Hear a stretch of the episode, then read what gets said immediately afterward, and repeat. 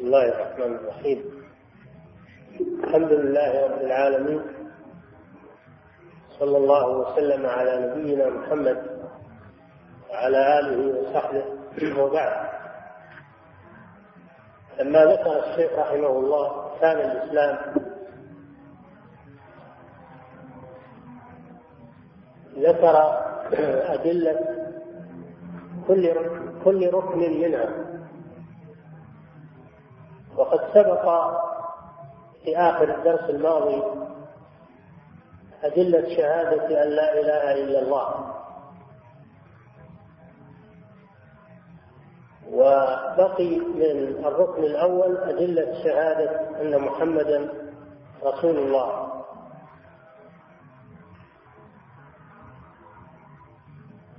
أدلة شهادة أن محمدا رسول الله كثيرة. من الكتاب والسنة والمعجزات الباهرات الدالة على رسالته صلى الله عليه وسلم. فمن الكتاب هذه الآية. يقول الله سبحانه وتعالى لقد جاءكم رسول من أنفسكم عزيز عليه ما عنتم حريص عليكم بالمؤمنين رؤوف رحيم. فهذه شهادة من الله سبحانه وتعالى لهذا الرسول محمد صلى الله عليه وسلم بالرسالة وبيان صفاته صلى الله عليه وسلم. لقد جاءكم اللام هذه لام القسم فيه قسم مقدر تقديره والله لقد جاءكم. اللام هذه يسمونها الموطئة للقسم. وقد حرف تحقيق. تأكيد بعد تأكيد. جاءكم أيها الناس هذا خطاب لجميع الناس. لأن رسالته صلى الله عليه وسلم عامة. لجميع الإنس الجن لجميع الثقلين الجن والإنس. جاءكم رسول. الرسول هو من أوحي إليه بشرع وأمر بتبليغه. سمي رسولا لأنه مرسل من قبل الله سبحانه وتعالى.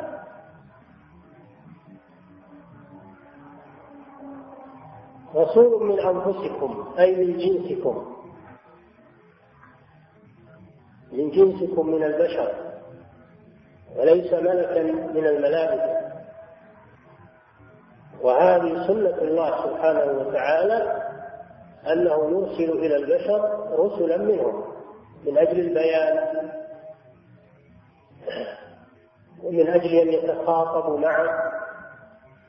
ولأنهم يعرفون لو أرسل إليهم ملك ما استطاعوا أن يتخاطبوا معه لأنه ليس من جنسهم. وأيضا لا يطيقون رؤية الملك لأنه ليس من جنسهم.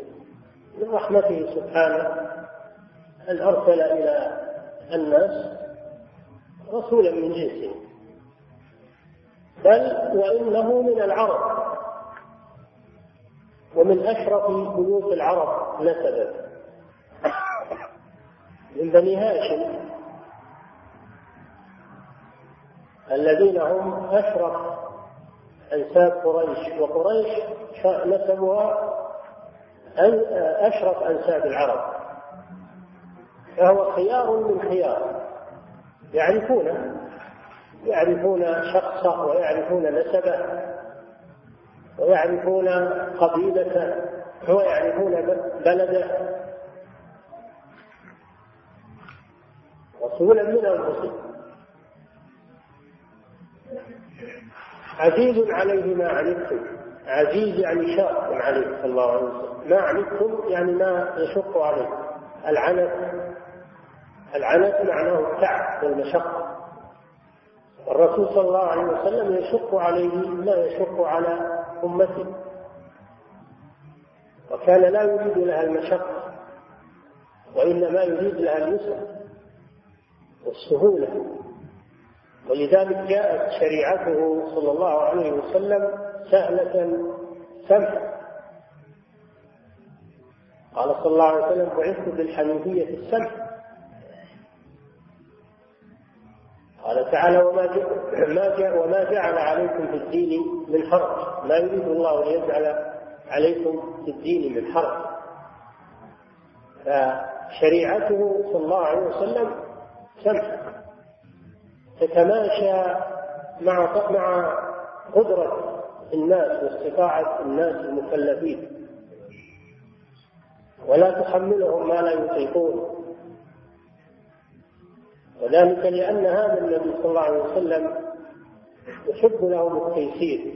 وما خير بين أمرين إلا اختار أيسرهما ما لم يكن إثما وكان يحب أن يأتي بالعمل فيتركه شفقة بأمته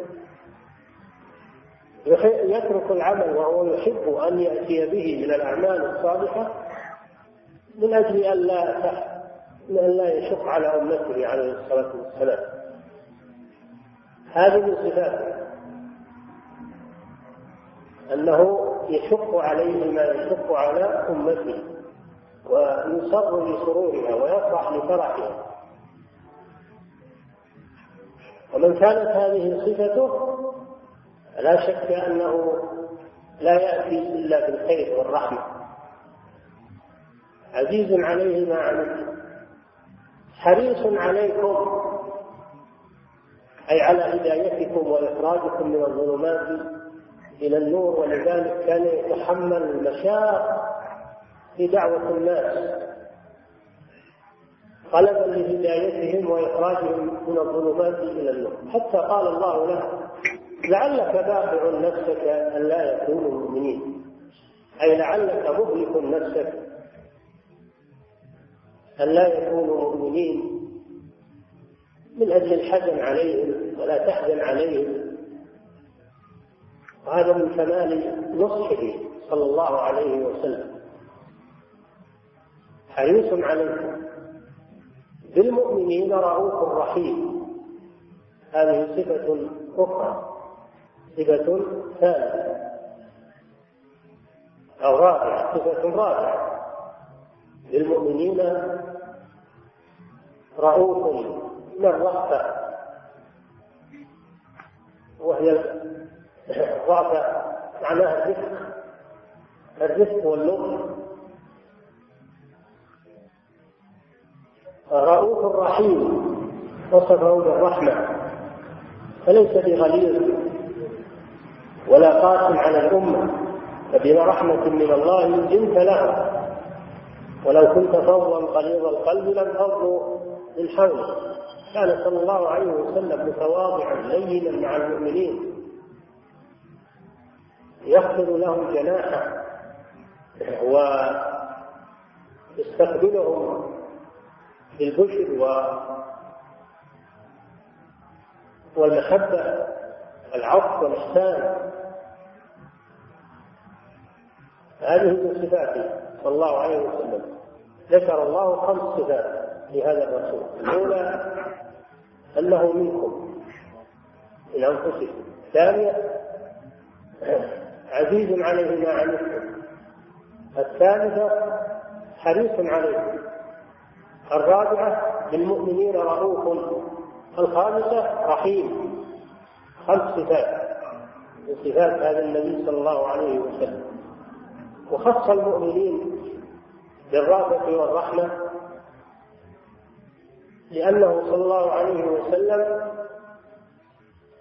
كان غليظا على المشركين والمعاندين.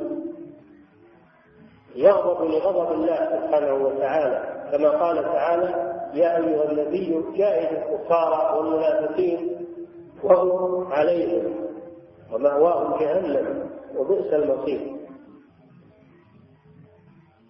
الرحمة والرافة خاصة بالمؤمنين. وهكذا المؤمنون مع بعضهم مع بعض.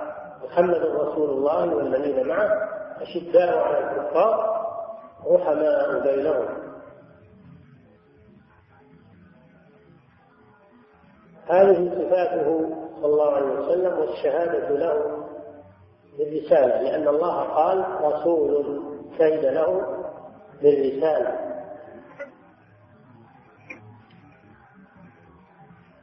وجاءت آيات كثيرة تصرح برسالته صلى الله عليه وسلم.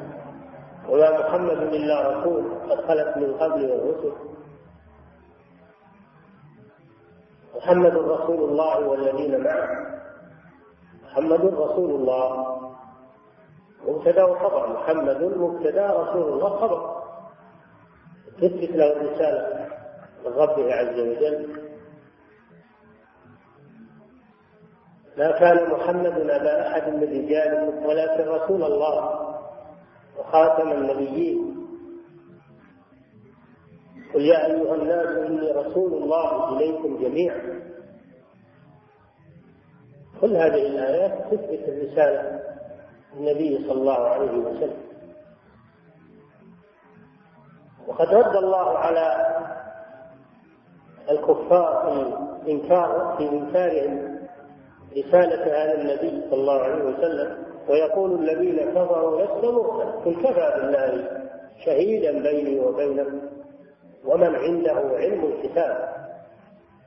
استشهد بالله عز وجل واستشهد بالعلماء من أهل الكتاب الذين يعرفون رسالته في الكتب السابقة. استشهد ربه واستشهد أهل العلم. بأمر الله سبحانه وتعالى. قل قل كفى بالله شهيدا بيني وبينكم.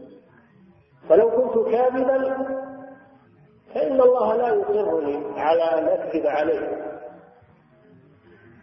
فإقرار الله له دليل على صدقه صلى الله عليه وسلم. لأن الذين يدعون الرسالة ويكذبون الله جل وعلا لا يمهلهم بل يفضحهم. ويخزيهم ويبين كذبا.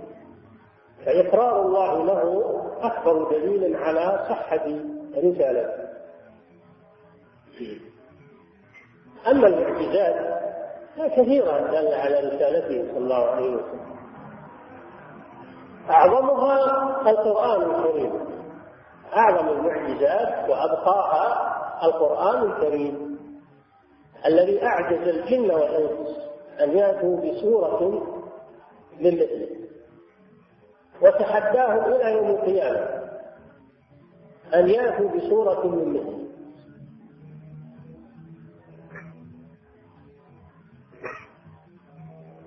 وإن كنتم في ريب مما نزلنا على عبدنا فأتوا بسورة من مثله وادعوا شهداءكم من دون الله. استعينوا بمن تشاءون. استعينوا بمن تشاءون. وادعوا من استطعتم في الآية الأخرى وادعوا من استطعتم من دون الله. هاتوا كل الناس يعاونون.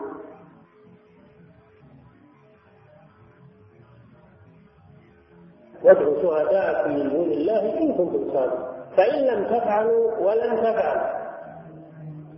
هذا إخبار عن المستقبل أنهم لا يستطيعون أبدا. ولن تفعلوا يعني ابدا في المستقبل إلى يوم القيامة. وما استطاع مع عداوتهم لله ولرسوله وشدة إنكارهم ما استطاعوا أن يأتوا في أقصر سورة من القرآن. وهذا دليل على أن هذا القرآن من عند الله. وأنه دليل على صدق رسالة هذا الرسول لأنه رجل أمي لا يقرأ ولا يكتب. فكيف نأتي بهذا هذا الكتاب الذي أعجز الفصحاء والبلغاء وأعجز الجن والإنس؟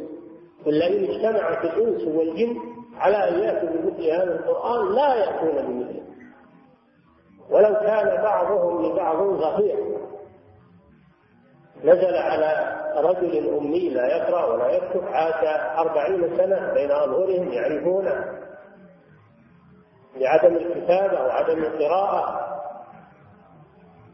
ويعرفونه أيضا بالأمانة والصدق. هذا دليل على رسالته صلى الله عليه وسلم. ومن الأدلة على رسالته أن سيرته ودعوته على وفق سيرة الأنبياء ودعوة الأنبياء. الأنبياء كلهم سيرتهم واحدة من أولهم إلى آخرهم. فهذا دليل على صدق رسالته صلى الله عليه وسلم. بخلاف المتنبئين الكذبة فإن سيرتهم تختلف عن سيرة الأنبياء ولا تتفق معها أبدا. الحاصل أن أدلة رسالته صلى الله عليه وسلم كثيرة ومن أراد المزيد فليراجع كتاب النبوات للإمام شيخ الإسلام ابن تيمية. كتاب النبوات.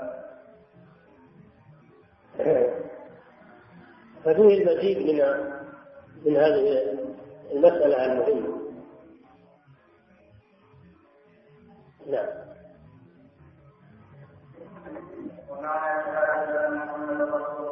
ومعنى شهادة أن محمدا رسول الله. شهادة أن محمدا رسول الله لها معنى ولها مقتضى هي مجرد لفظ يقال فقط وإنما لها معنى ولها مقتضى. المعنى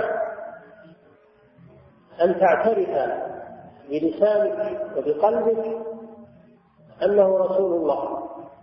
تنطق بلسانك تشهد له بالرسالة بلسانك وتعتقد ذلك بقلبك أنه رسول الله. اعتقادا جازما لا شك فيه. هذا معنى شهادة أنه رسول الله. إقرار باللسان واعتقاد بالقلب أنه رسول الله. أما التلفظ باللسان مع إنكار القلب هذه طريقة المنافقين. إذا جاءك المنافقون قالوا نشهد إنك لرسول الله والله يعلم إنك لرسوله والله يشهد إن إن المنافقين لكاذبون. اتخذوا أيمانهم جنة سترة يسترون بها. وصدوا عن سبيل الله. فدل على أن النطق باللسان أنه رسول الله مع إنكار القلب لا يكفي وكذلك اعتقاد القلب مع عدم النطق باللسان. لمن يقدر على النطق أيضا لا يكفي فإن المشركين يعلمون أنه رسول الله لكنهم يعاندون. كما قال تعالى ولقد نعلم إنه لا يحزنك الذي يقول فإنهم لا يكذبونك ولكن الظالمين بآيات الله يجحدون. فهم في قلوبهم يعرفون أنه رسول. لكن منعهم الكذب ومنعهم العناد أن يعترفوا له باللسان. والحسد كما عند اليهود وكما عند مشركي العرب حتى ان بعضهم صرح قال إن بني كنا نحن وبني هاشم. كنا نحن وبنو هاشم. متساوون في الفقر وفي كل الأمور لكنهم قالوا منا رسول وليس منكم رسول. من أين أن نأتي برسول؟ لذلك انكروا رسالته حسدا لبني هاشم. يقوله الوليد بن يقوله الوليد بن المغيرة يقول كنا وبني هاشم كفر غيرها أطعموا وأطعمنا وفعلوا وفعلنا وكذا وكذا. ثم قالوا منا رسول. ونحن منين نأتي برسول؟ فلذلك أنكروا رسالته عليه الصلاة والسلام. كبرا وعنادا مع اعترافهم أنه رسول الله. يقول أبو طالب في في قصيدته يقول ولقد علمت بأن دين محمد من خير أديان البرية دينا. لولا الملامة أو حذار مسبة لرأيتني سمحا بذاك مبينا يعترف برسالة في قلبه لكن منعه منعه الحمية الجاهلية لقومه. وأن يكفر في دين عبد المطلب الذي هو عبادة الأصنام. هم يعترفون بهذا بقلوبهم. فلا يكفي الاعتراف بالقلب أنه رسول الله بل لا بد من النطق باللسان ثم أيضا لا يكفي النطق باللسان والاعتراف بالقلب بل لا بد من أمر ثالث وهو الاتباع. الاتباع. قال تعالى الذين آمنوا به وعزروه ونصروه واتبعوا واتبعوا النور الذي أنزل معه. أولئك هم المفلحون. لابد من حتى لو ناصره مثل أبي طالب وحام دونه وهو يعرف أنه رسول الله لكن لم يتبعه فإنه ليس بمسلم. حتى يتبعه صلى الله عليه وسلم. ولهذا قال الشيخ ما تسمعون. ومعنى شهادة أن محمدا رسول الله طاعته فيما أمر تصديقه فيما أخبر واجتناب ما نهى عنه وزجر وأن لا يعبد الله إلا بما شرع. فمع الاعتراف برسالته ظاهرا وباطنا نطقا واعتقادا لا بد من اتباعه صلى الله عليه وسلم. ويتلخص ذلك في أربع هذه الكلمات التي ذكرها الشيخ رحمه الله. طاعته فيما أمر. الله جل وعلا يقول من يطع الرسول فقد أطاع الله. وما أرسلنا من رسول إلا ليطاع بإذن الله. ويقول سبحانه وتعالى وأطيعوا الله وأطيعوا الرسول. قرن طاعة الرسول مع طاعته سبحانه وتعالى. ومعصيته وقرن معصيته مع معصية الرسول. ومن يعص الله ورسوله ويتعدى حدوده. ومن يعص الله ورسوله فإن له نار جهنم خالدين فيها أبدا. قال تعالى وإن تطيعوه تهتدوا وأطيعوا الرسول لعلكم ترحمون. فإن لم يستجيبوا لك فاعلم أن ما يتبعون أهواءهم ومن أضل ممن اتبع هواه بغير هدى من الله. لا بد من طاعته صلى الله عليه وسلم. الذي يشهد أنه رسول الله يلزمه طاعته عليه الصلاة والسلام. طاعته فيما أمر. وما آتاكم الرسول فخذوه. وما نهاكم عنه فانتهوا. فليحذر الذين يخالفون عن أمره أن تصيبهم فتنة أو يصيبهم عذاب أليم. عن أمرها عن أمر الرسول صلى الله عليه وسلم. لا بد من طاعة الرسول عليه الصلاة والسلام. طاعته فيما أمر. تصديقه فيما الرسول صلى الله عليه وسلم أخبر عن أمور كثيرة مغيبة. أخبر عن الله وأخبر عن آه، الملائكة وأخبر عن أمور غائبة وأخبر عن أمور مستقبلة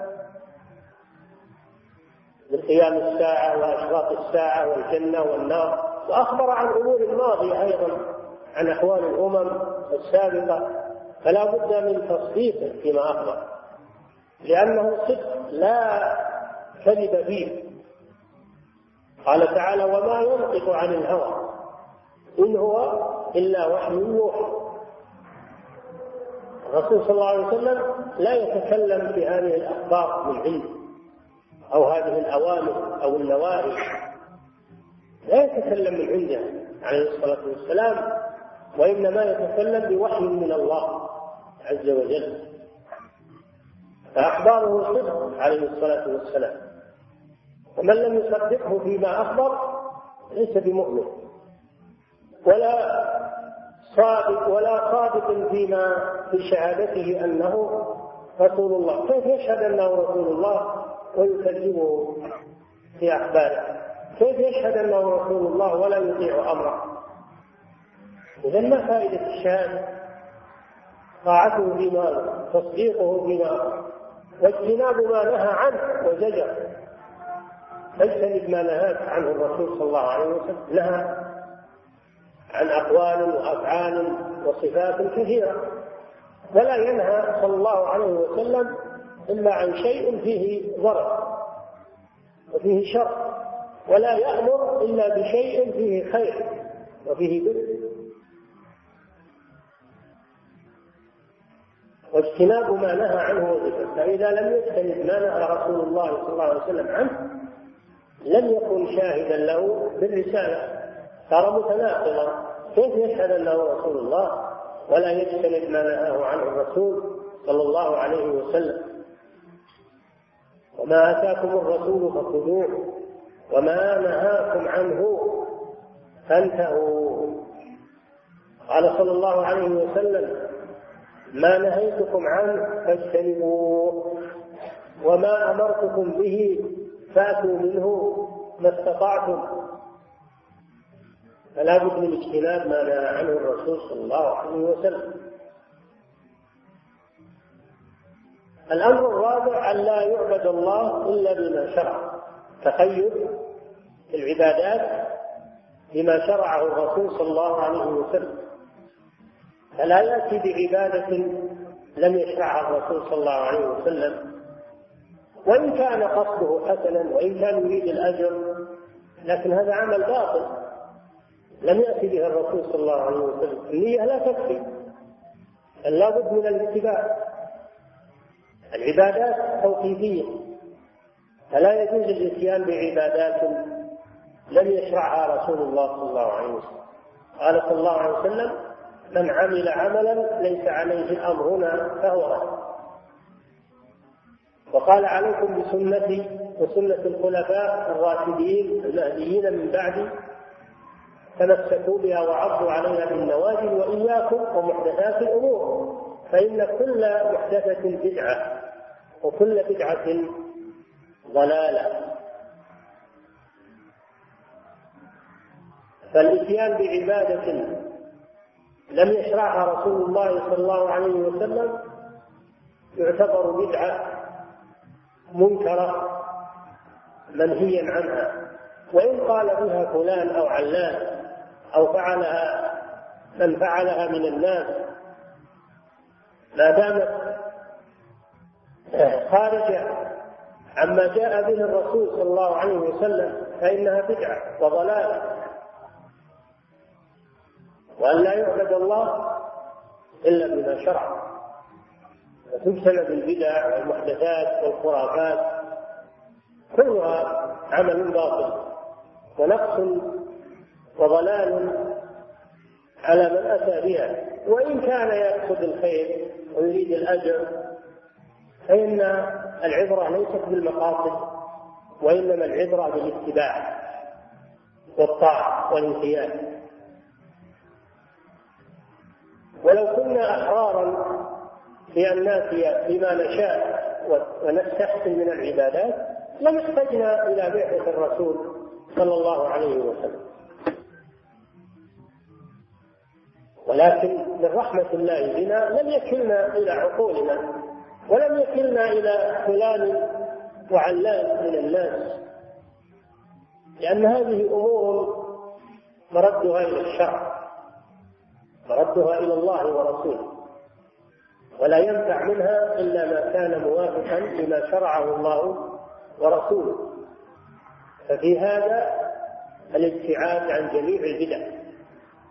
وأن من ابتدع فإنه لم يشهد أنه رسول الله. من ابتدع شيئا يخالف ما جاء به الرسول فهذا يدل على أنه لم يشهد الشهادة الحقيقية الذي يشهد أنه رسول الله. شهادة حقيقية يتقيد بما شرعه ولا يحدث شيئا من عنده أو يتبع شيئا محدثا ممن سبق. هذا معنى شهادة أن محمد رسول الله. ليست ألفاظا تقال باللسان فقط من غير التزام ومن غير عمل ومن غير تقيد. بما جاء به هذا الرسول صلى الله عليه وسلم. نعم.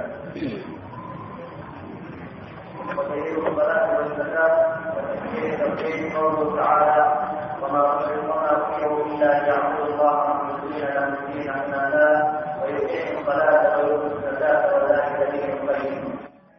انتهى من الاستدلال على الركن الأول. شهادة لا إله إلا الله وأن محمدا رسول الله. انتقل إلى الاستدلال على الركنين اللذين بعد الركن الأول وهما الصلاة والزكاة. الصلاة هي الركن الثاني من أركان الإسلام والزكاة هي الركن الثالث من أركان الإسلام وهي قرينة الصلاة في كتاب الله عز وجل الصلاة عمل بدني والزكاة عمل مالي.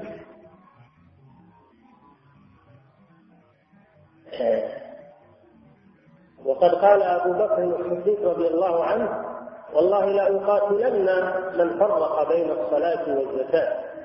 لما امتنع أناس من العرب عن أداء الزكاة بعد وفاة الرسول صلى الله عليه وسلم قاتلهم أبو بكر رضي الله عنه. وقال والله لأقاتلن من فرق بين الصلاة والزكاة. وقال والله لو منعوني عقالا وفي رواية عناقا كانوا يأتونه إلى رسول الله صلى الله عليه وسلم لقاتلتهم عليه. الزكاة حق واجب في أموال الأغنياء للفقراء. ركن من أركان الإسلام وهي قليلة الصلاة في كتاب الله عز وجل. في كثير من الآيات ومنها هذه الآية وما أمروا إلا ليعبدوا الله مخلصين له الدين. هذا تفسير التوحيد. الشيخ يقول هذه الآية فيها دليل الصلاة والزكاة وتفسير التوحيد. تفسير التوحيد في أولها وما أمروا أي الناس إلا ليعبدوا الله مخلصين له الدين. هذا تفسير التوحيد. وتفسير التوحيد هو عبادة الله مع الإخلاص له. ترك عبادة ما سواه. فالدين والعبادة والتوحيد بمعنى واحد. مخلصين له الدين. أي العبادة. هذا تفسير التوحيد. وليس تفسير التوحيد ما يقوله علماء الكلام إنه الاقرار بأن الله هو الخالق الرازق المحيي المميت. هذا هذا توحيد الربوبية. والمطلوب هو توحيد الألوهية. الذي دعت إليه الرسل. ولا يصير المسلم مسلما إلا إذا جاء به. أما من جاء بتوحيد الربوبية فقط فهذا ليس بمسلم. بدليل أن المشركين كانوا يعتقدونه وينطقون به يعتنون به ولم يدخلهم الإسلام ولم يمنعهم من من قتل قتلهم وسبي أموالهم. توحيدهم هذا لم يمنع دماءهم وأموالهم لأنهم ليسوا موحدين. لما أشركوا بالله عز وجل في العباد هذا تفسير التوحيد من كتاب الله. لا من كتاب فلان أو علان. كتاب الجوهرة أو كتاب المواقف أو كتاب علماء الكلام. ما يؤخذ تفسير التوحيد من هذه الكتب. وإنما يؤخذ من كتاب الله عز وجل ومن سنة رسول الله صلى الله عليه وسلم ومن كتب أهل السنة والجماعة الذين يتمشون على كتاب الله وسنة رسوله. هذا هو تفسير التوحيد. ويقيم الصلاة. بمعنى أن يأتوا بها كما أمر الله جل وعلا. بشروطها وأركانها وواجباتها. أما مجرد الصلاة سورة الصلاة فقط لا تكفي. ولهذا لم يقل ويصلوا بل قال يقيموا. يقيم الصلاة. ولا تكون الصلاة قائمة إلا إذا أتى بها كما أمر الله سبحانه وتعالى. بشروطها وأركانها وواجباتها. كما أمر الله جل وعلا. أما الذي يصلي مجرد صورة في أي وقت يشاء أو بدون طهارة وبدون طمأنينة يعني لا يأتي بمتطلبات. الصلاه هذا لم يصلي. ولهذا قال النبي صلى الله عليه وسلم للمسيء في صلاته الذي لا يقنع في صلاته قال له صل فإنك لم تصل. ليس المقصود صورة الصلاة من قيام وركوع وسجود وجلوس ليس هذا هو المقصود. المقصود أن يؤتى بها كما شرعها الله سبحانه وتعالى. مستوفية بكل متطلباتها الشرعية. ويقيم الصلاة. ويؤتوا أن يدفعوا الزكاة يدفعونها للمستحقين. الذين قال وضحهم الله في قوله إنما الصدقات للفقراء والمساكين والعاملين عليها والمؤلفة والمؤلفة قلوبهم والغارمين وفي سبيل الله وابن السبيل فريضة من الله.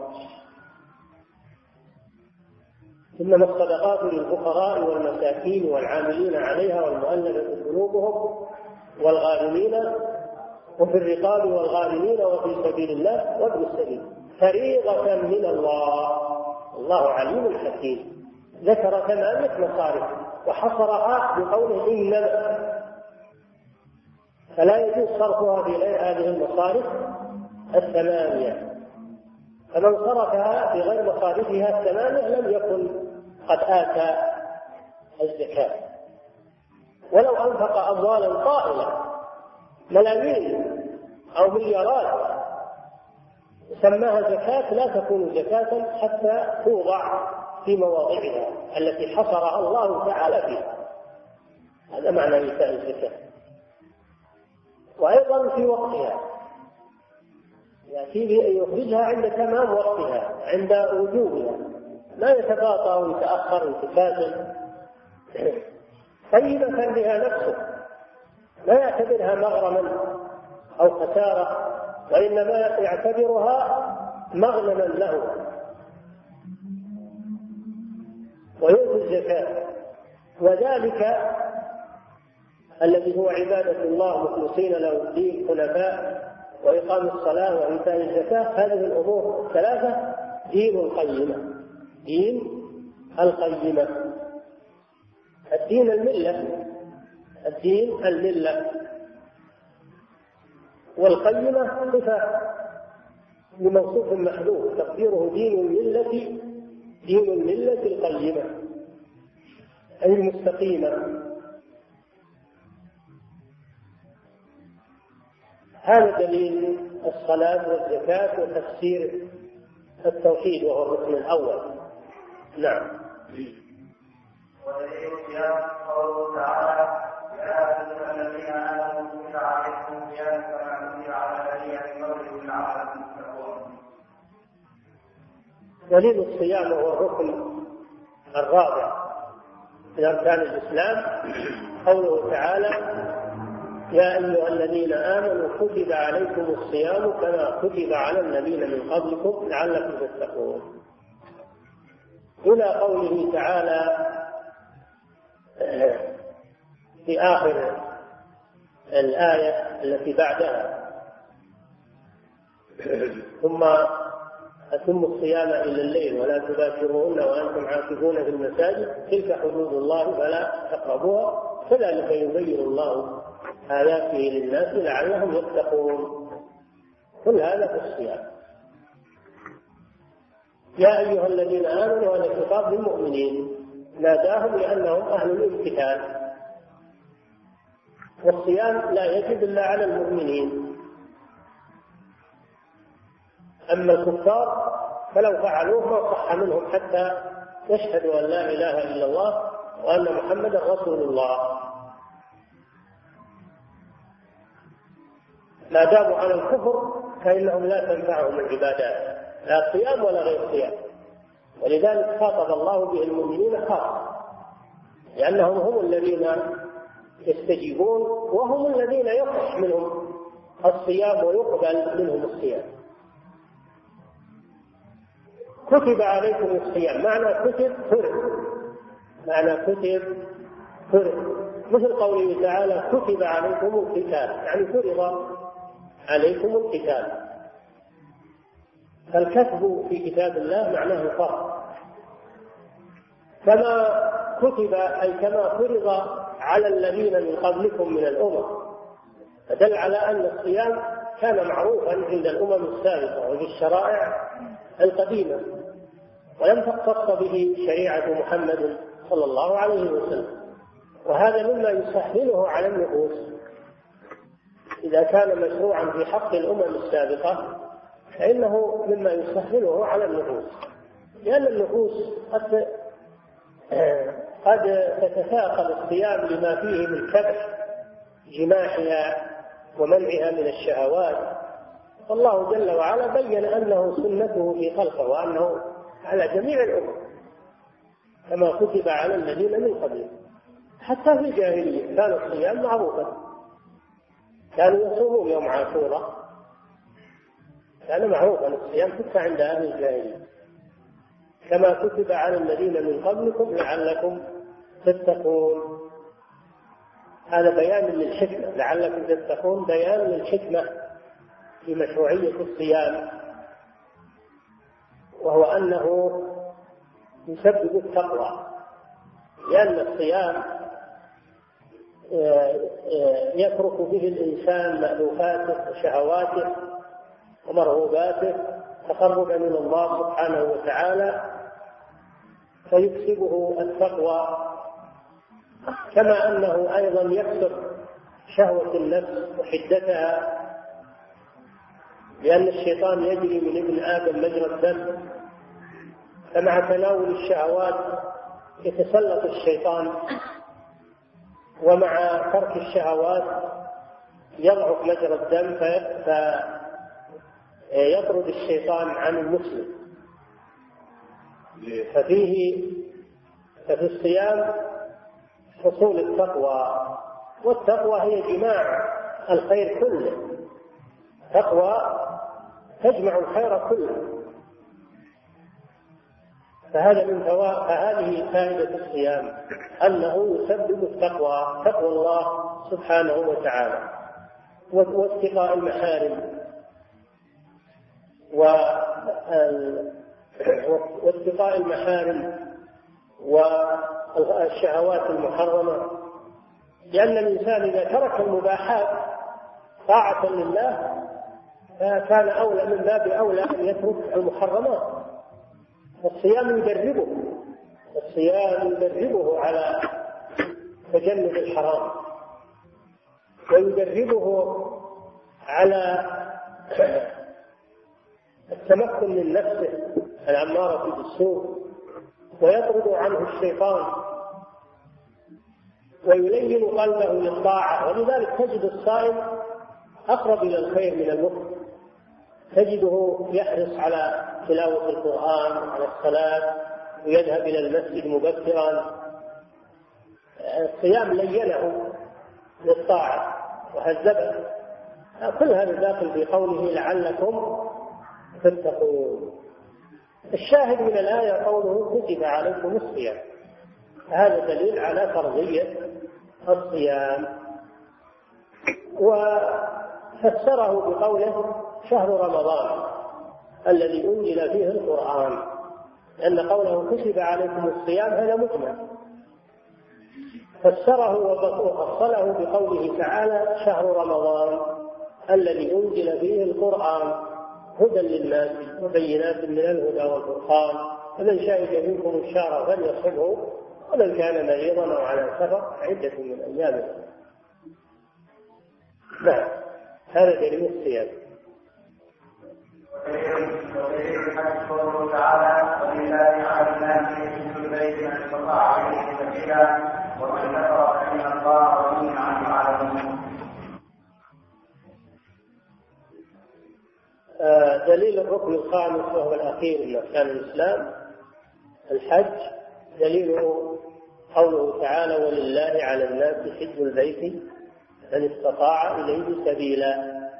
ومن كفر فإن الله غني عن العالمين. اليهود ادعوا أنهم مسلمون. ادعى اليهود أنهم مسلمون. فالله جل وعلا امتحنه في هذه الآية. قوله تعالى ولله على الناس حج البيت. لله هذا فرض. أي حق لله سبحانه وتعالى وواجب لله عز وجل على الناس حج البيت. الحج معناه في اللغة القصد الحج معناه في اللغة القصد وأما في الشرع فالحج معناه قصد الكعبة المشرفة والمشاعر المقدسة في وقت مخصوص لأداء عبادات مخصوصة. قصد الكعبة المشرفة والمشاعر المقدسة في وقت مخصوص لأداء عبادات مخصوصة وهي مناسك الحج. حج البيت. حج البيت الكعبة. وما حولها من المشاعر. تابع لها من استطاع إليه سبيلا. هذا بيان شرط الوجوب. بيان شرط الوجوب. وهو الاستطاعة. الاستطاعة البدنية والاستطاعة المالية. الاستطاعة البدنية بأن يكون قادرا على المشي والركوب والانتقال من مكان من بلده إلى مكة في أي مكان من الأرض. هذه بدنية يخرج العاجز عجزا مستمرا كالمريض مرضا مزمنا والكبير الهرم فهذا ليس عنده استطاعة بدنية. فإن كان عنده استطاعة مالية فإنه ينيب. ينيب من يحج عنه حجة الإسلام. أما الاستطاعة المالية فهي وجود توفر المركب الذي ينقله من الراحلة أو السيارة أو الطائرة أو الباخرة كل وقت بحسبه. توفر المركب الذي ينقله يكون عنده مال يستطيع أن يوفر له المركب الذي يمتطيه لأداء الحج. وأيضا الزاد يكون عنده زاد ونفقة له في السفر. ذهابا وإيابا ولمن يمونهم. ولمن يمونهم إلى أن يرجع إليهم. يكون عندهم كفايتهم إلى أن يرجع إليهم. فالزاد معناه أن يكون عنده ما يكفيه في سفره ويكفي من يمونهم من أولاده ووالديه وزوجته. كل من تلزمه نفقته يأمن لهم يؤمن لهم ما يكفيهم حتى يرجعا إليه. بعد سداد الديون بعد سداد الديون إن كان عليه ديون يكون هذا فاضلا عن سداد الديون. فإذا توفر هذا فهذا هو السبيل الزاد والراحلة كما قال ابن عباس رضي الله تعالى عنه. ومن لم يستطع ليس عنده زاد ولا راحلة فليس عليه حج لأنه غير مستطيع. فشرط فشرط وجوب الحج هو الاستطاعة. ولما كان الحج يؤتى إليه من بعيد من أقطار الأرض من كل فج عميق ويحتاج إلى مؤونة ويحتاج إلى تعب وقد يحصل فيه أخطار ومشقات فمن رحمة الله أن جعله في العمر مرة واحدة. العمر مرة واحدة. وما زاد عليها فهو تطوع. هذا من رحمة الله سبحانه وتعالى. حيث لم يوجبه على المسلم كل سنة. ولما قال النبي صلى الله عليه وسلم إن الله فرض عليكم الحج فحجوا. قال الأقرع بن حارس رضي الله عنه أكل سنة يا رسول الله؟ فسكت عنه الرسول صلى الله عليه وسلم.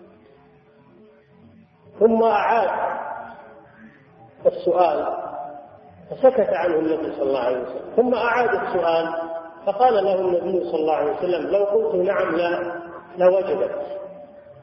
لو قلت نعم يعني كل سنة لوجبت ولما استطعتم. ولما استطعتم. الحج مرة واحدة فما زاد فهو تطوع. هذا من رحمة الله سبحانه وتعالى. وقوله ومن كفر فإن الله غني عن العالمين. من امتنع عن الحج وهو يقدر ولم يحج فإنه كافر. لأن الله قال ومن كفر.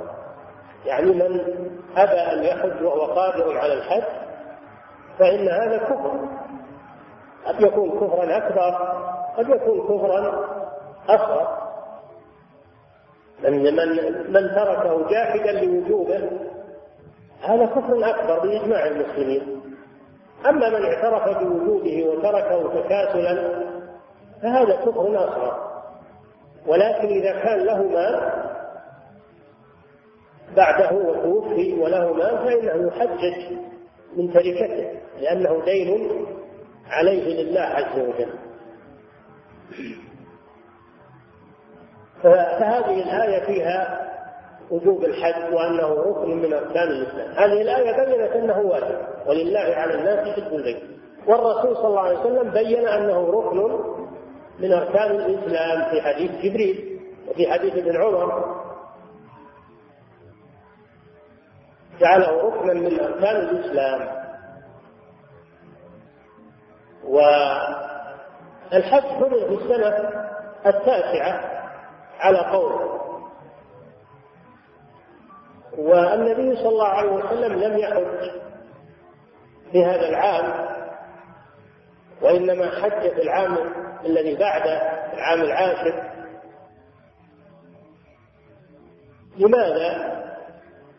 لأنه صلى الله عليه وسلم أرسل عليا ينادي بالناس في الموسم أن لا يحج بعد هذا العام مشرك ولا يطوف بالبيت عريان فلما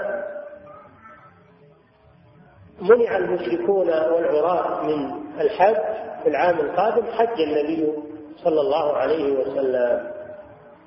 حجة الوداع.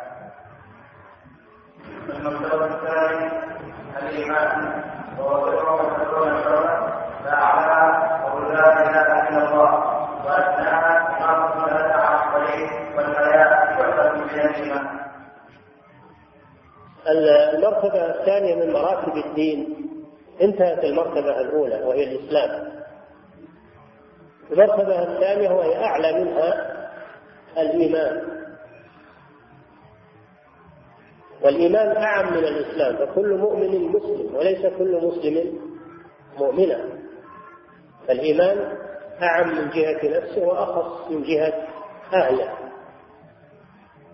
والإيمان في اللغة معناه التصديق. قال تعالى وما أنت بمؤمن لنا أي بمصدق لنا. الإيمان في اللغة معناه التصديق.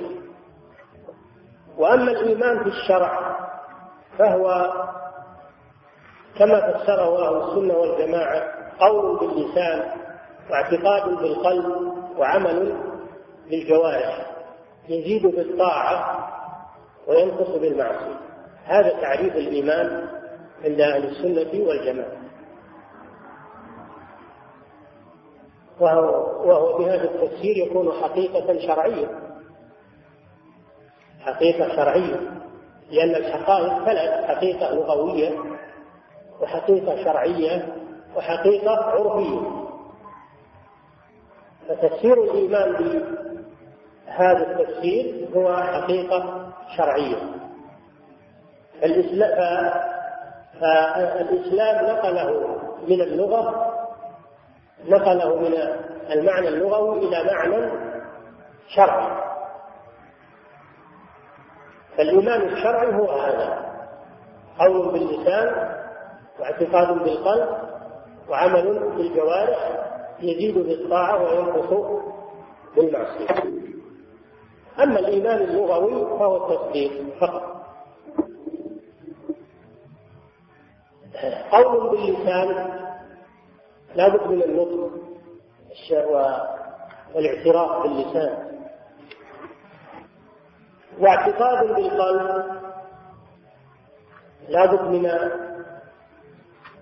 أن يكون ما ينطق به بلسانه معتقدا له في قلبه معترفا به في قلبه.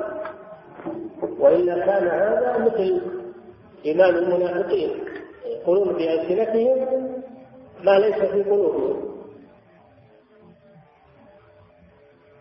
ولا يكفي الإيمان القول باللسان والاعتقاد بالقلب. لا بد من العمل بالجوارح أيضا.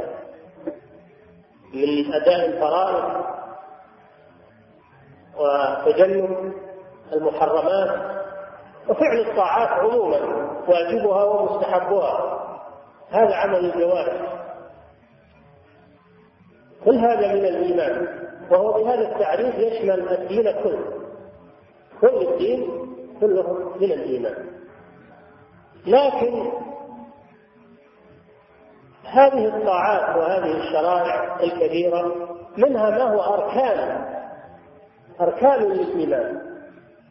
ومنها ما هو مكملات للإيمان. فأركان الإيمان يأتي بيانها.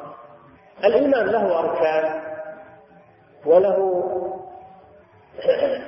شعب. وقد بينها الرسول صلى الله عليه وسلم في حديثين. بين أركان الإيمان في حديث جبريل. وبين شعب الإيمان في حديث الإيمان بضع وسبعون شعب. هذا يأتي إن شاء الله. والإيمان والإسلام قلنا لكم أكثر من مرة. إنهما إذا ذكر جميعا صار لكل واحد معنى وإذا ذكر منهما واحد فقط دخل في الآخر. فإذا ذكر جميعا فسر الإسلام بالأعمال الظاهرة وهي أركان الإسلام الخمسة وفسر الإيمان بالأعمال الباطنة وهي الأركان الستة محلها القلب. ولا بد من اجتماعها بالمسلم لا بد أن يكون مسلما مؤمنا. يقيم أركان الإسلام ويقيم أركان الإيمان لا بد من اجتماعهما. نعم.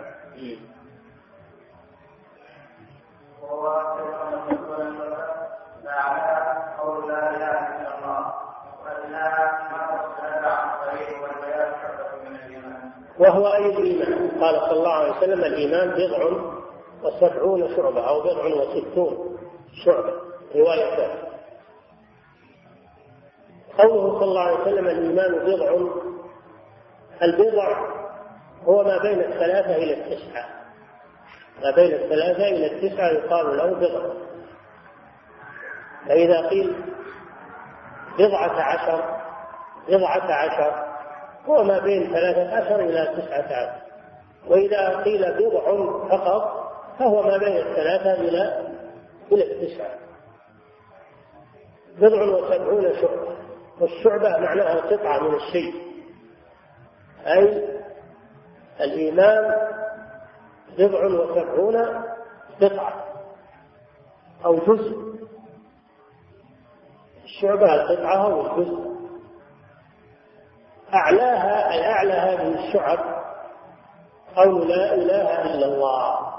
لا إله إلا الله هي رأس الإسلام ورأس الإيمان وهي الركن الأول وهي مدخل مدخل الدين.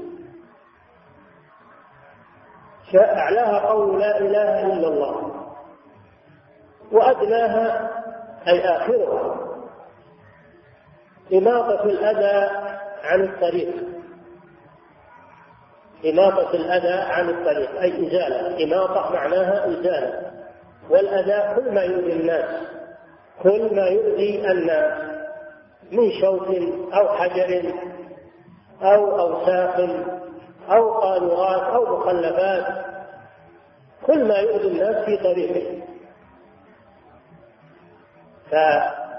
لأن وضع الأذى في الطريق محرم. لأن الطريق للمارة لا يجوز أن يعرقل المارة أو يعرضهم للخطر يوقف سيارة في الطريق. هذا من الأذى. إيقاف السيارة في الطريق هذا من الأذى.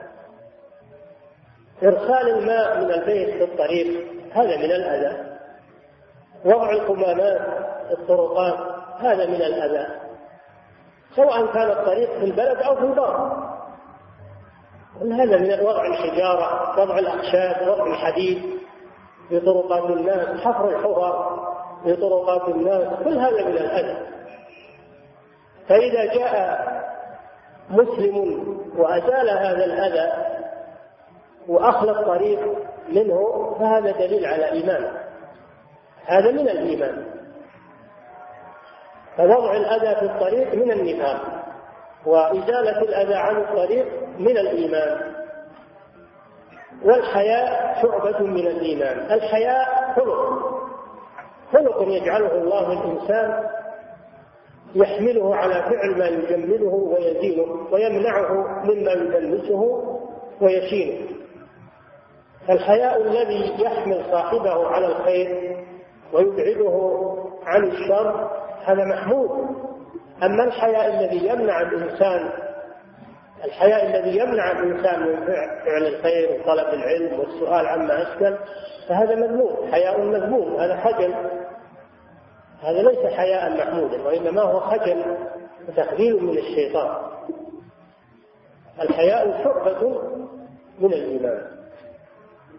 شعب الإيمان كثيرة كما عرفتم بضع وسبعون وقد كتب الإمام آه الإمام آه البيهقي ألف مؤلفا كبيرا بين فيه شعب الإيمان. وله مختصر مطبوع. له مختصر مطبوع. نعم.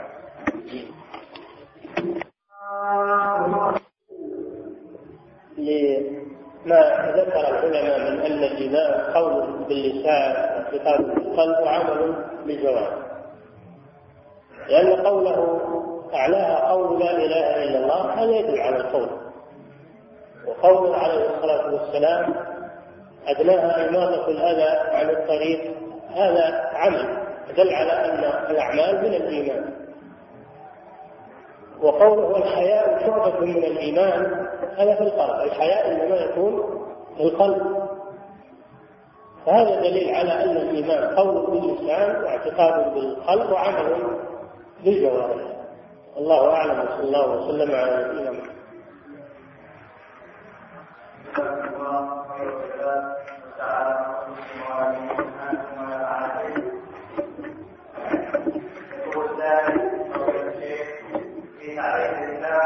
الإنسان من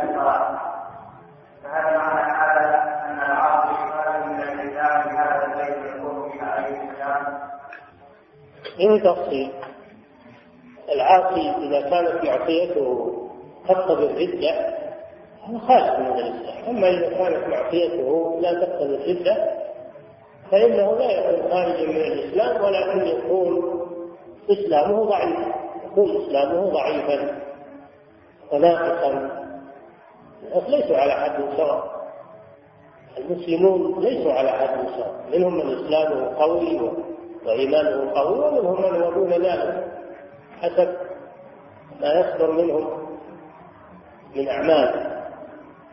نعم.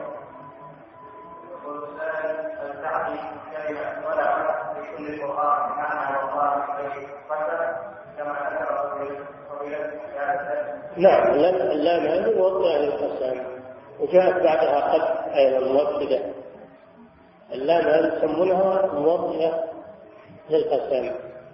نعم. يقول ذلك ما حكم من لم يكتب بعد القبور حتى يقام حتى يقام عليه الحجة؟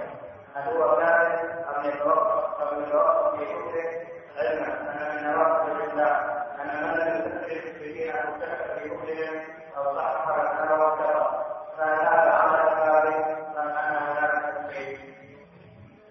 الذي يقول ان عباد القبور لا يكفرون حتى تقام عليهم. الحجه فيه تفصيل.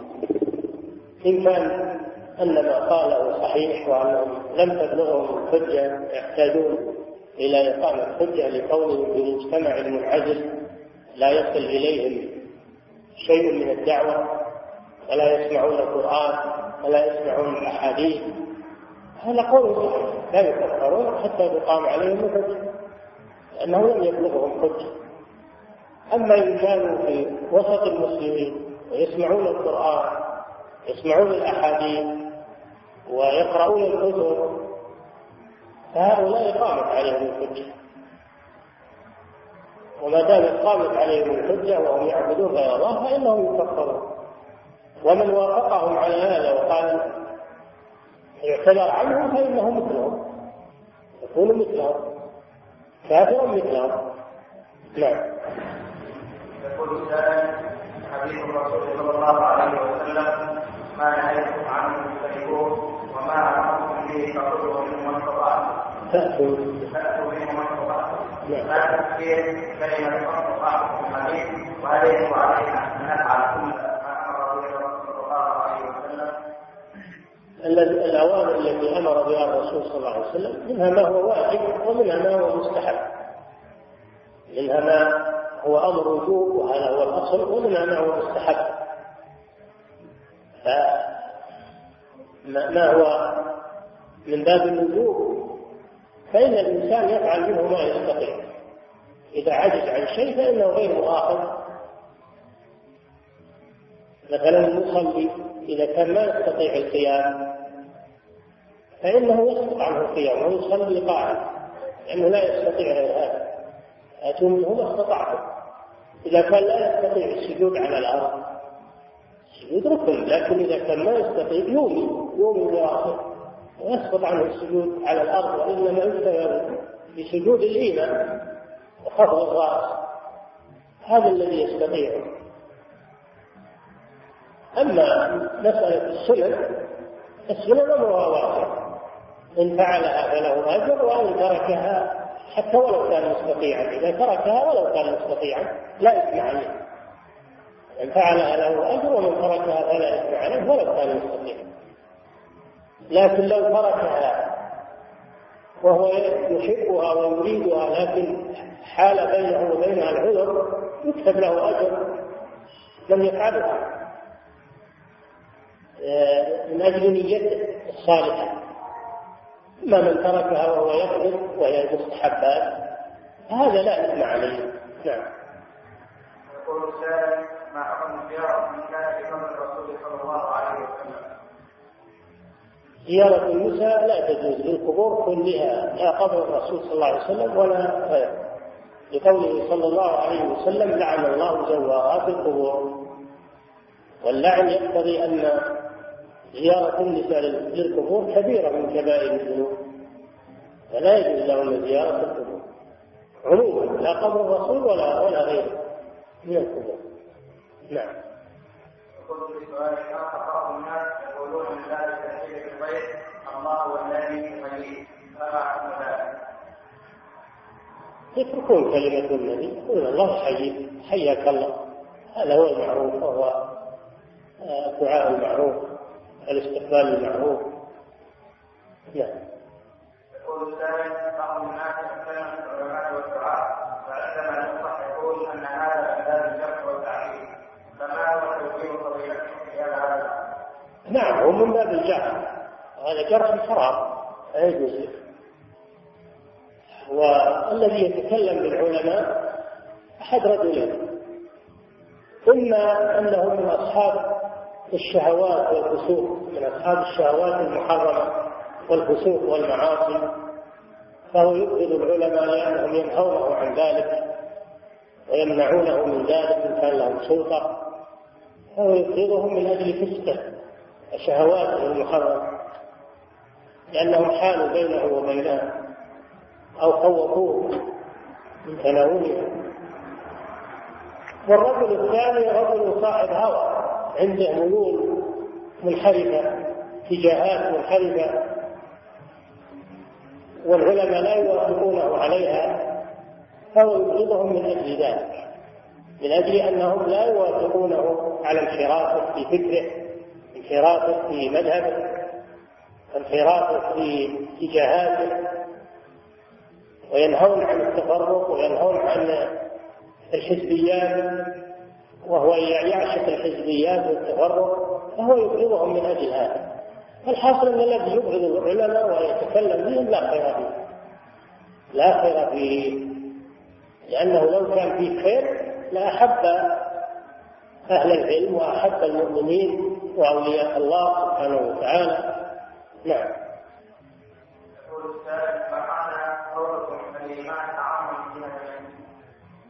من جهة تعريفه يعني. جهة تعريفه كل مؤمن فهو مسلم من باب أولى وليس كل مسلم يكون مؤمنا. وأخص من جهة أهله فالمؤمن أخص من المسلم أخص من المسلم وأعلى درجة من المسلم مطلق المسلم. نعم. يقول السائل رجل حصل بينه وبين زكاة وقال لها علي الصلاة ما في فأخذها وقال الصلاة تأتي وهو كان على أن يملكها في ثم بعد ذلك أهلها شيء في ذلك الأمر؟ إذا كانت ما جاءت هذه الليلة ولا باتت عنده التي حلف أنها ما تبيت عنده انتهى الأمر. وأما أنه وعد لأنه سيطلقها ولم يحصل شيء من ذلك فليس عليه شيء. لأنه ما طلقها وإنما وعد أنه سيطلقها. فليس عليه شيء بالوعد نعم. يقول السائل ما الاسلام في ليله من الله دعوه معصية الله ورسوله؟ وكذلك حكم عليه الصلاه والسلام في واقعه محل اعتقاد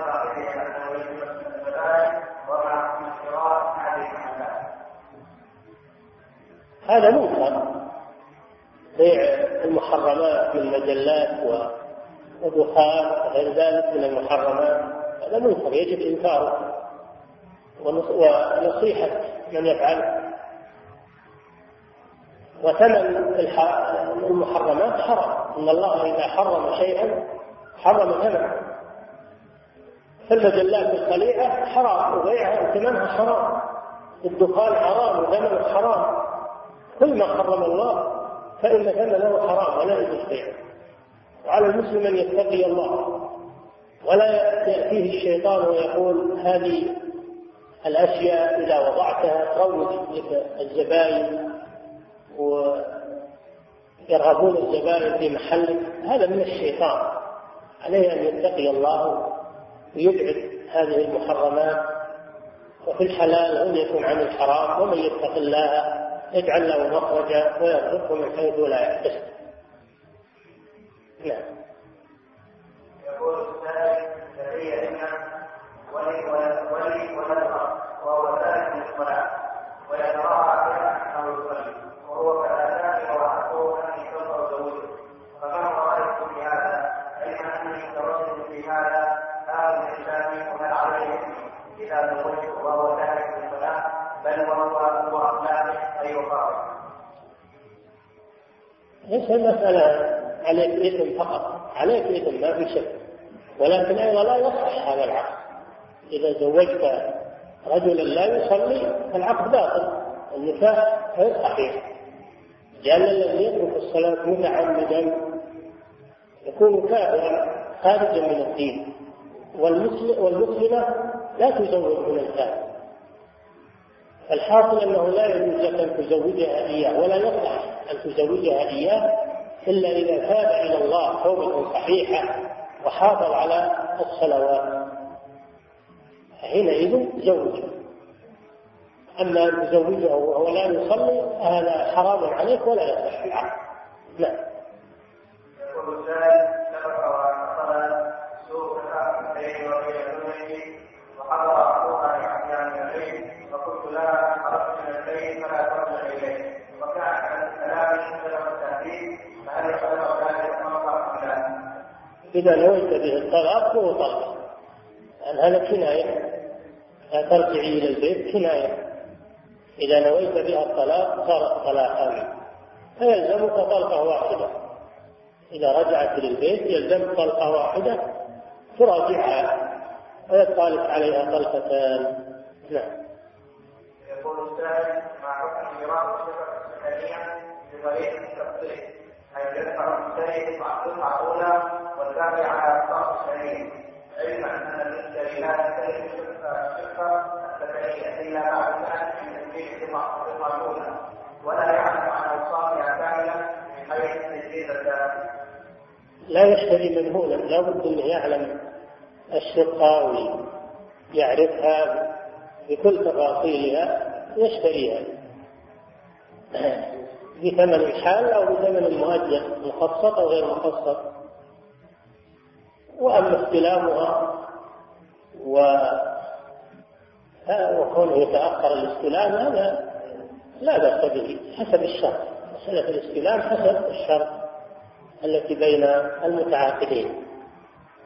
ولكن لا يجوز له بيعها إلا بعد قبضها قبضا تاما ومعرفتها معرفة تامة نعم يقول السائل أنا مسؤول في الشؤون الدينية وأحيانا اتجول في المكاتب والسكن لملاحظه المتاخرين عن الصلاة. نعم. يقول أنا مسؤول في واحيانا في والسكن لملاحظه عن الصلاه وحثهم على الصلاه واحيانا تفوتني صلاه الجماعه واصلي لوحدي هل علي حكم في هذا الفعل وما هو في ذلك؟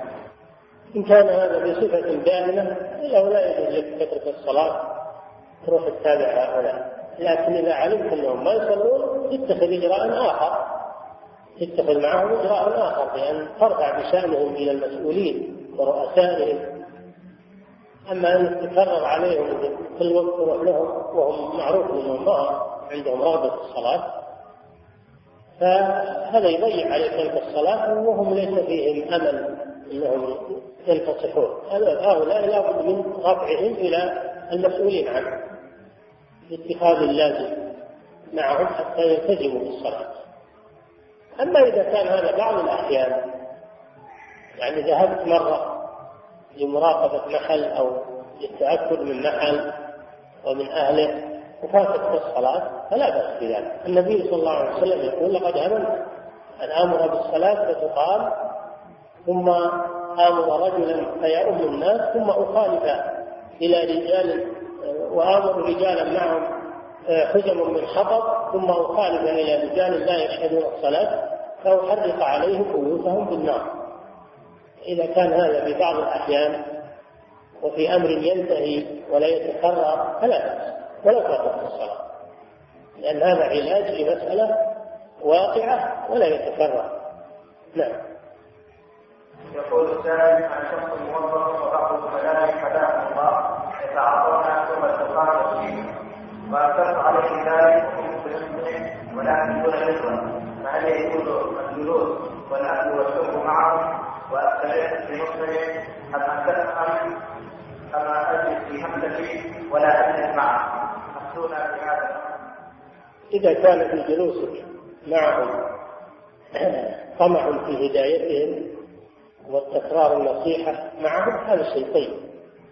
أما إذا كان جلوسك معهم من باب الاستئناس معهم وترك الإنكار عليهم هذا لا ينبغي لا ينبغي أن تجلس معهم يعني مجرد أنك تجلس ولا تنكر عليهم ولا تبين لهم ولا تدعوهم وإنما تضحك أنت وياهم وتنبسط أنت وياهم وهم على هذه الحاله هذا لا ينبغي منك. نعم. يقول السائل في اليوم الثاني عشر من الحجة وفي ساعه نصره الحديث رميت أنا ووالدتي وأختي الجمره الصغرى وتوكلت على امي واختي في رمي الجمره الوسطى والصغرى بسبب الجماعة فقط والجهاد في البلاد. فهل أخطأت فيما عقلت وهل في ذلك؟ إذا كان الواقع الذي ذكرته بسبب الزحام أو الخطر على النساء فلا بأس التوكيل وما دمت رميت عنهن الحمد لله. الوكيل يقوم مقام الموكل عند الحاجة.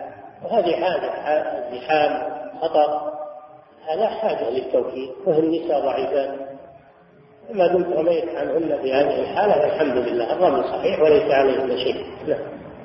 يقول الثالث ذكر الله فيه لعن زوجه وهذا مسؤول أخلاق الزوج فهل هذا حرام وماذا وماذا عليه لا شك إن هذا حرام. لا يجوز ان تلعن زوجك ولا تلعن أحد. من المسلمين. حتى الدواب والمساكن والبقاع لا يجوز لعنها. اللعن كلمة خبيثه وكلمه وقحة. ويرجع إثمها على من قالها إذا كان من قيلت فيه ليس أهلا لها ترجع على صاحبها. ويكون الإثم عليه فلا يجوز لعنك لأحد من المسلمين خصوصا الزوجة أم أولادك وقبيلتك هذا أمر لا يجوز. عليك بالتوبة إلى الله عز وجل وعدم العودة لمثل هذا. وأما الكفارة فليس عليه كفارة إلا التوبة والاستغفار. نعم. يقول السائل إذا ذهب المسلم إلى المدينة المنورة لزيارة المسجد النبوي وبقي في المدينة اياما ليصلي في المسجد فهل من السنة أن يذهب لزيارة قبر الرسول صلى الله عليه وسلم والصالحين رضي الله عنهما كلما دخل المسجد ام ان هذا الفعل عليه الله والسلام عليه صلى الله عليه وسلم لاتخاذ قبره عيدا ليس هذا من السنة. التردد على القبر ليس من السنة. ما كان الصحابة يفعلون هذا. وإنما المرة الأولى حينما يقدم المسافر ويصلي بالمسجد يسلم على النبي صلى الله عليه وسلم وعلى صاحبيه وعلى المسلمين في البقيع وفي الشهداء. وأما كل ما دخل يذهب للقبر ويسلم عليه هذا خلاف السنة وليس هو من عمل السلف الصالح؟ وهو من اتخاذ قبره عيدا لأن العيد هو ما يتكرر ويعود تكرار السلام كل ما دخل هذا من اتخاذه عيدا. نعم. يقول فضيلة الشيخ يغفل كثير من الناس عن الدعاء بالنسبة للوالدين فما أثر الدعاء في حياتهما مأجورين؟ الدعاء للوالدين من البر بهما. من البر بهما أحياء وأمواتا. الله جل وعلا يقول وقل ربي وقل رب ارحمهما كما ربياني صغيرا. هذا دعاء لهما أمر الله تعالى به سواء كانوا أحياء أو أمواتا. رب اغفر لي ولوالدي. هذا في القرآن. يبدأ بنفسه ثم بوالديه ثم بالمؤمنين. اغفر لي ولوالدي وللمؤمنين والمؤمنات. رب اغفر لي ولوالدي وللمؤمنين يوم يقوم الحساب. والله جل وعلا يقول لنبيه محمد صلى الله عليه وسلم واستغفر لذنبك وللمؤمنين والمؤمنات. نعم. أحسن الله إليكم من الأردن الأخت المستمعة منى ألف ألف تقول ما أفضل الأذكار التي يجب أن يرددها المسلم الشيخ إذا دخلت العشر الأوائل إذا دخلت العشر الأول من رمضان؟ ليس, ليس هناك أذكار مخصوصة لرمضان. فيذكر الله بما تيسر له من الأذكار. التسبيح والتكبير والتهليل وقراءة القرآن وغيره والتحميد وغير ذلك من من الأذكار. ليس هناك ذكر في رمضان خاص إلا تلاوة القرآن في رمضان فإنها من أعظم الذكر. وتلاوة القرآن في رمضان أفضل من تلاوته في غيره لأنه فيه أنزل القرآن. نعم. وإذا كان فضيلة الشيخ تستفسر يمكن عن العشر الأول من ذي الحجة هل هناك أذكار مشروعة؟ العشر الأول من ذي الحجة الأذكار المشروعة تكبير تكبير المطلق. الله أكبر الله أكبر لا إله إلا الله والله أكبر الله أكبر ولله الحمد. يكرر هذا ويردده في الليل والنهار وفي المسكن وفي المسجد وفي وفي المتجر وفي الطريق يكثر من التكبير في عشر ذي الحجة. نعم. أحسن الله إليكم شيخ صالح. تقول السائلة أيضا من الأردن من هم الذين يعطون من الزكاة من أهلي وأقاربي مأجورين الذين لا ترثينهم بفرض ولا تعصي إذا كنت محجوبة من الإرث منهم وهم فقراء فأعطيهم الزكاة. بهذين الشرطين أن يكونوا فقراء مستحقين. والشرط الثاني أن تكوني محجوبة عن الإرث منهم. نعم. جزاكم الله خيرا يا فضيلة الشيخ. آه السائلة التي رمزت لاسمها بألف ألف من القصيم تسأل عن مس المصحف والقراءة منه للمرأة لمن عليه حدث. لا يجوز مس المصحف لأن النبي صلى الله عليه وسلم يقول لا يمس القرآن إلا طاهر. فلا يجوز للمحدث حدثا أكبر أو أصغر أن يمس المصحف. نعم. أحسن الله إليكم. هذه آه، أختكم آه، فايزة تقول إذا أفطرت المرأة يوما من رمضان ولم تقضي هذا اليوم حتى جاء رمضان الثاني ماذا يلزمها يا فضيلة الشيخ؟ إن كانت أخرت القضاء لعذر حتى أتى عليها رمضان الثاني فليس عليها إلا القضاء بعد ما ينتهي رمضان الثاني. أما إن كانت أخرته من غير عذر فإنه يجب عليها أمران الأمر الأول القضاء هذا لا بد منه. بعد رمضان. وثانيا إطعام مسكين عن كل يوم كفارة عن التأخير. نعم. جزاكم الله خيرا. تقول هذه السائلة فضيلة الشيخ زوجي متهاون بالصلاة. يصلي أحيانا ويترك أحيانا. ولي منه ثلاث أولاد. ماذا يجب علي تجاه هذا الزوج مأجوري؟ الواجب مناصحته فإن تاب إلى الله وحافظ على الصلاة وإلا فاطلب الفراق منه ولا يجوز لك البقاء معه وهو لا يصلي لأنه كافر. حتى يتوب إلى الله فإن تاب وحافظ على الصلاة فتبقين معه. وأما إذا استمر على ترك الصلاة متعمدا فهو كافر ولا يجوز لك البقاء معه. بل طالبي بالفراق. نعم. أحسن الله إليكم يا شيخ. سين ميم صاد من جدة يقول ما حد الإسراف المنهي عنه في القرآن والسنة فضيلة الشيخ؟ الإسراف هو الإنفاق الزايد الإنفاق الزايد عن الحاجة. الإنفاق الزايد ينفق على نفسه نفقة زائدة لا يحتاج إليها ويتوسع في المآكل والمشارب. قوله تعالى وكلوا واشربوا ولا تسرفوا إنه لا يحب المسرفين وكذلك الإنفاق من التبرعات الكثيرة التي فيها تبذير وإسراف. تبرعات إذا كانت في سبيل الخير وفي عمل البر ولو كانت كثيرة أجرها أعظم. لكن إذا كانت التبرعات ليست في سبيل البر ولا في سبيل الخير وإنما هي آه، أعطيت للناس غير المحتاجين وهدايا وما أشبه ذلك وبذخ وعمل الولائم الكبيرة والإكثار من الأطعمة في المناسبات. هذا هو التبذير. الله جل وعلا يقول وآت ذا القربى حقه والمسكين وابن السبيل ولا تبذر تبذيرا. إن المبذرين كانوا إخوان الشياطين. فالإنفاق إذا كان في غير بر الإنفاق الكثير. الإنفاق الكثير إذا كان في غير بر فهو إسراف. وأما إذا كان في طريق بر فهو طاعة. ولو كان نعم. أحسن الله إليكم يقول السائل صاد ميم سين كلنا نطلب حسن الختام في هذه الحياة الدنيا.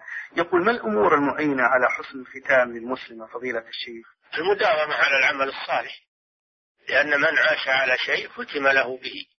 فيداوم على العمل الصالح والطاعات فإنه حري أن يختم له بالخير والابتعاد عن المحرمات والمعاصي لئلا يختم له بشر. نعم.